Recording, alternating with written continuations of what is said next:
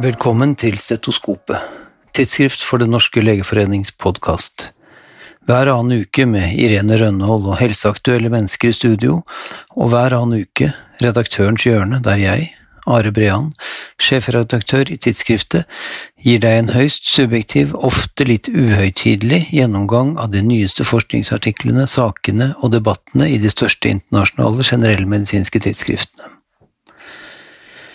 I denne utgaven av Redaktørens hjørne har jeg for første gang bare funnet plass til covid-19-relaterte artikler.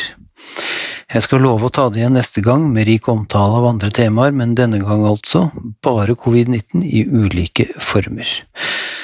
Hold på hatten, jeg mener munnbindet. Og vi begynner, som sist og gangen før der, med vaksiner. COVAX er ordningen ledet av både Gavi og WHO for å støtte forskning og utvikling, skaffe finansiering og forhandle om felles innkjøp og rettferdig global distribusjon av vaksiner mot covid-19. Takket være COVAX-samarbeidet ble den første koronavaksinen satt i Afrika 1. mars 2021, og per 9. har 12 millioner doser blitt sendt til 29 ulike land gjennom Covax, noe som markerer begynnelsen på den største utbredelsen av vaksine i hele verdenshistorien. Men selv om Covax-samarbeidet på mange måter er en suksess, er samarbeidet langt ifra skikket til å løse de mange utfordringene ved målet om global vaksinasjon, noe som er helt nødvendig for å få slutt på pandemien. For utfordringene er håndtert på et altfor lavt politisk nivå. Det skriver The Lancet på lederplass denne uken. Det er en oppsiktsvekkende mangel på solidaritet mellom landene, skriver The Lancet, og peker på at de rike landene har gitt penger til Covax i tilsynelatende solidaritet, samtidig som de med den andre hånden har søkt å kjøpe opp så mange vaksinedoser som mulig for seg selv. Dermed har de gjort Covax sitt arbeid vanskeligere. Land som representerer bare 16% av den globale befolkningen, har sikret seg 70% av de tilgjengelige dosene av de fem ledende vaksinene så langt. Som et resultat har dusinvis av land ennå ikke gitt én en enkelt dose, mens andre allerede har vaksinert store deler av befolkningen. Tydeligere global ledelse trengs, skriver The Lancet, som etterlyser ambisjoner og visjoner fra høyeste politiske hold. Det er som et ekko av Jon Arne Røttingens hjertesukk på tidsskriftets nylige møte for faglige medarbeidere om mangelen av en global regjering. I mellomtiden melder stadig nye vaksiner seg på. Nå foreligger resultatene fra fase 1-studien på immunresponsen av Janssen Johnson Johnson-vaksinen, publisert i Yama 11. mars. Denne vaksinen bruker en adenovirus serotype 26-vektor til å presentere en SARS-CoV-2-spike. Antistoffer ble påvist hos de 25 friske frivillige på dag 8 og ble observert hos alle vaksinemottakere på dag 57 etter én en enkelt vaksinering. T-celleresponser ble også generert hos alle. Lovende resultater der altså, og nå venter vi ikke bare på fase to, men også på fase tre-studiene som allerede er i gang. I mellomtiden har flere og flere blitt vaksinert med de eksisterende vaksinene etter at den første vaksinen ble godkjent ultimo 2020, og med flere hakk i hæl. USA er blant de ledende landene så langt, og foreløpig har mer enn 31 millioner mennesker i USA, eller 9,4% av befolkningen, blitt fullvaksinert. Men hvordan er det nå med de fullvaksinerte egentlig? Kan de gjenoppta alle aktiviteter som før, kan de for eksempel møte andre og uvaksinerte uten smitteverntiltak? Nå foreligger den sannsynlig første offentlige anbefalingen, ikke uventet akkurat i USA. Der har Center for Disease Control nå kommet med nasjonale anbefalinger for fullvaksinerte, slik Yama refererer denne uken. Deres vurdering av tilgjengelige data tilsier at fullvaksinerte kan gjenoppta mange sosiale aktiviteter, inkludert kino, teater og møte andre.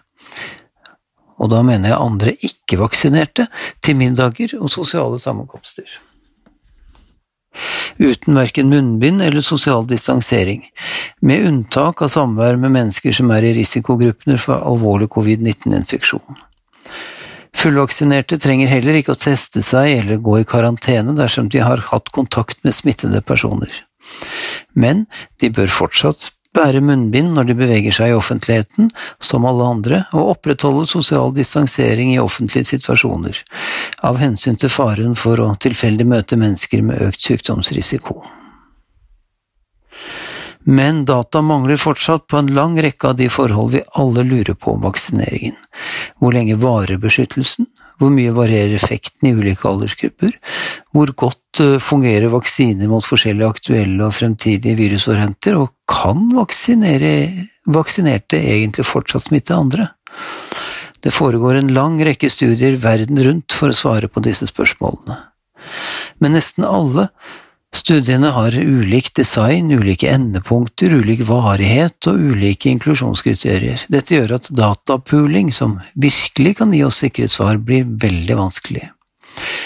Derfor trenger vi en global standard for vaksinestudier. Det skriver biostatistikeren Natalie Dean i siste utgave av Nature.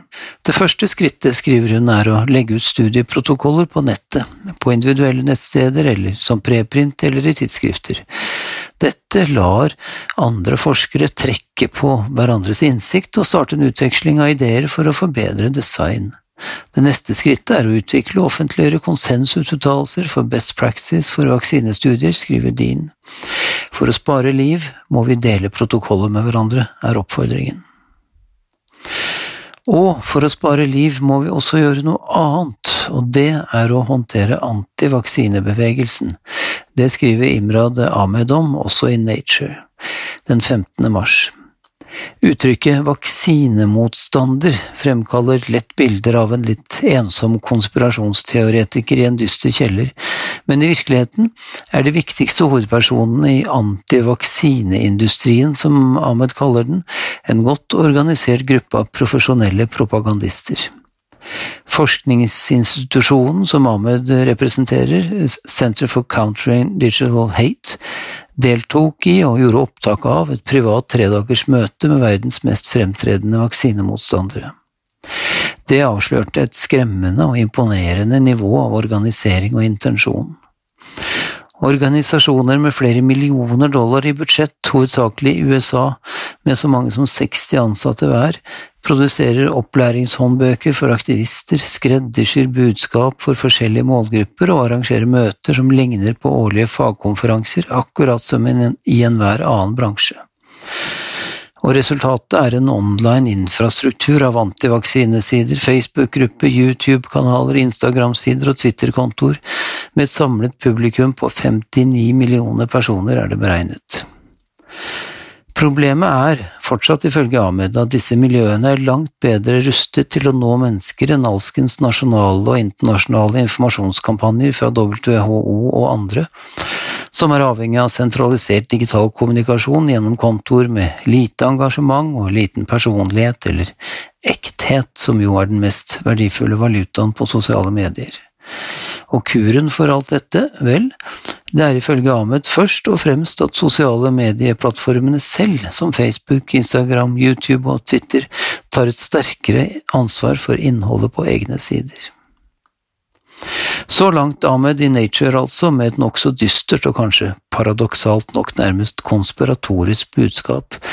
I mellomtiden har Lancet covid-19-kommisjon kommet med sine anbefalinger for den globale koronahåndteringen i 2021. For det første, skriver de, bør alle regioner med høyt antall nye covid-19-tilfeller, inkludert USA og EU, intensivere sine tiltak for å minimere smitterisiko og fortsette raskest mulig utrulling av covid-19-vaksiner. For det andre bør regjeringer verden over raskt og fullstendig finansiere WHO og tilgangen til covid 19-vaksiner gjennom Act Accelerator, der for øvrig Norge har en ledende rolle. For det tredje bør G20-landene styrke Det internasjonale pengefondet og ulike multilaterale utviklingsbanker for å øke finansiering og gjeldssletting for fattigere land. Alt dette vil kreve forbedret globalt samarbeid. Igjen altså kommer vi tilbake til mangelen på globalt samarbeid i krisetider. Og fra Lancet hopper vi direkte videre til siste tema for denne gang et høyaktuelt spesialnummer av Nature Medicine som ble utgitt denne uken om klodens neste store pandemi. Nei, det er ikke avgjort hva den kommer til å komme av, men at den kommer, det er sikkert. Covid-19-pandemien har åpnet et vindu av muligheter for å revurdere måten land forbereder seg på folkehelsekrise på, skriver tidsskriftet i den innledende lederartikkelen. Dette vinduet må benyttes. Å oppnå universell rett til helsetjenester er eksempelvis ikke uten utfordringer, men fullt mulig, slik Ole Norheim og kollegaer beskriver i samme nummer med utgangspunkt i erfaringer fra Etiopia.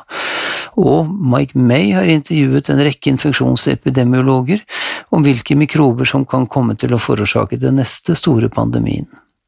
Svarene varierer, men influensavirus, koronavirus, ulike multiresistente bakterier, ebolavirus eller marburvirus seiler opp som de mest sannsynlige kandidatene. Og den beste prevensjonen er til kjedsommelighet det samme mantra. Bedre globalt samarbeid, bedre forebyggende smittevern og bedret internasjonalt og nasjonalt pandemiberedskap. Kanskje vil vi lytte denne gang. Vi høres neste gang.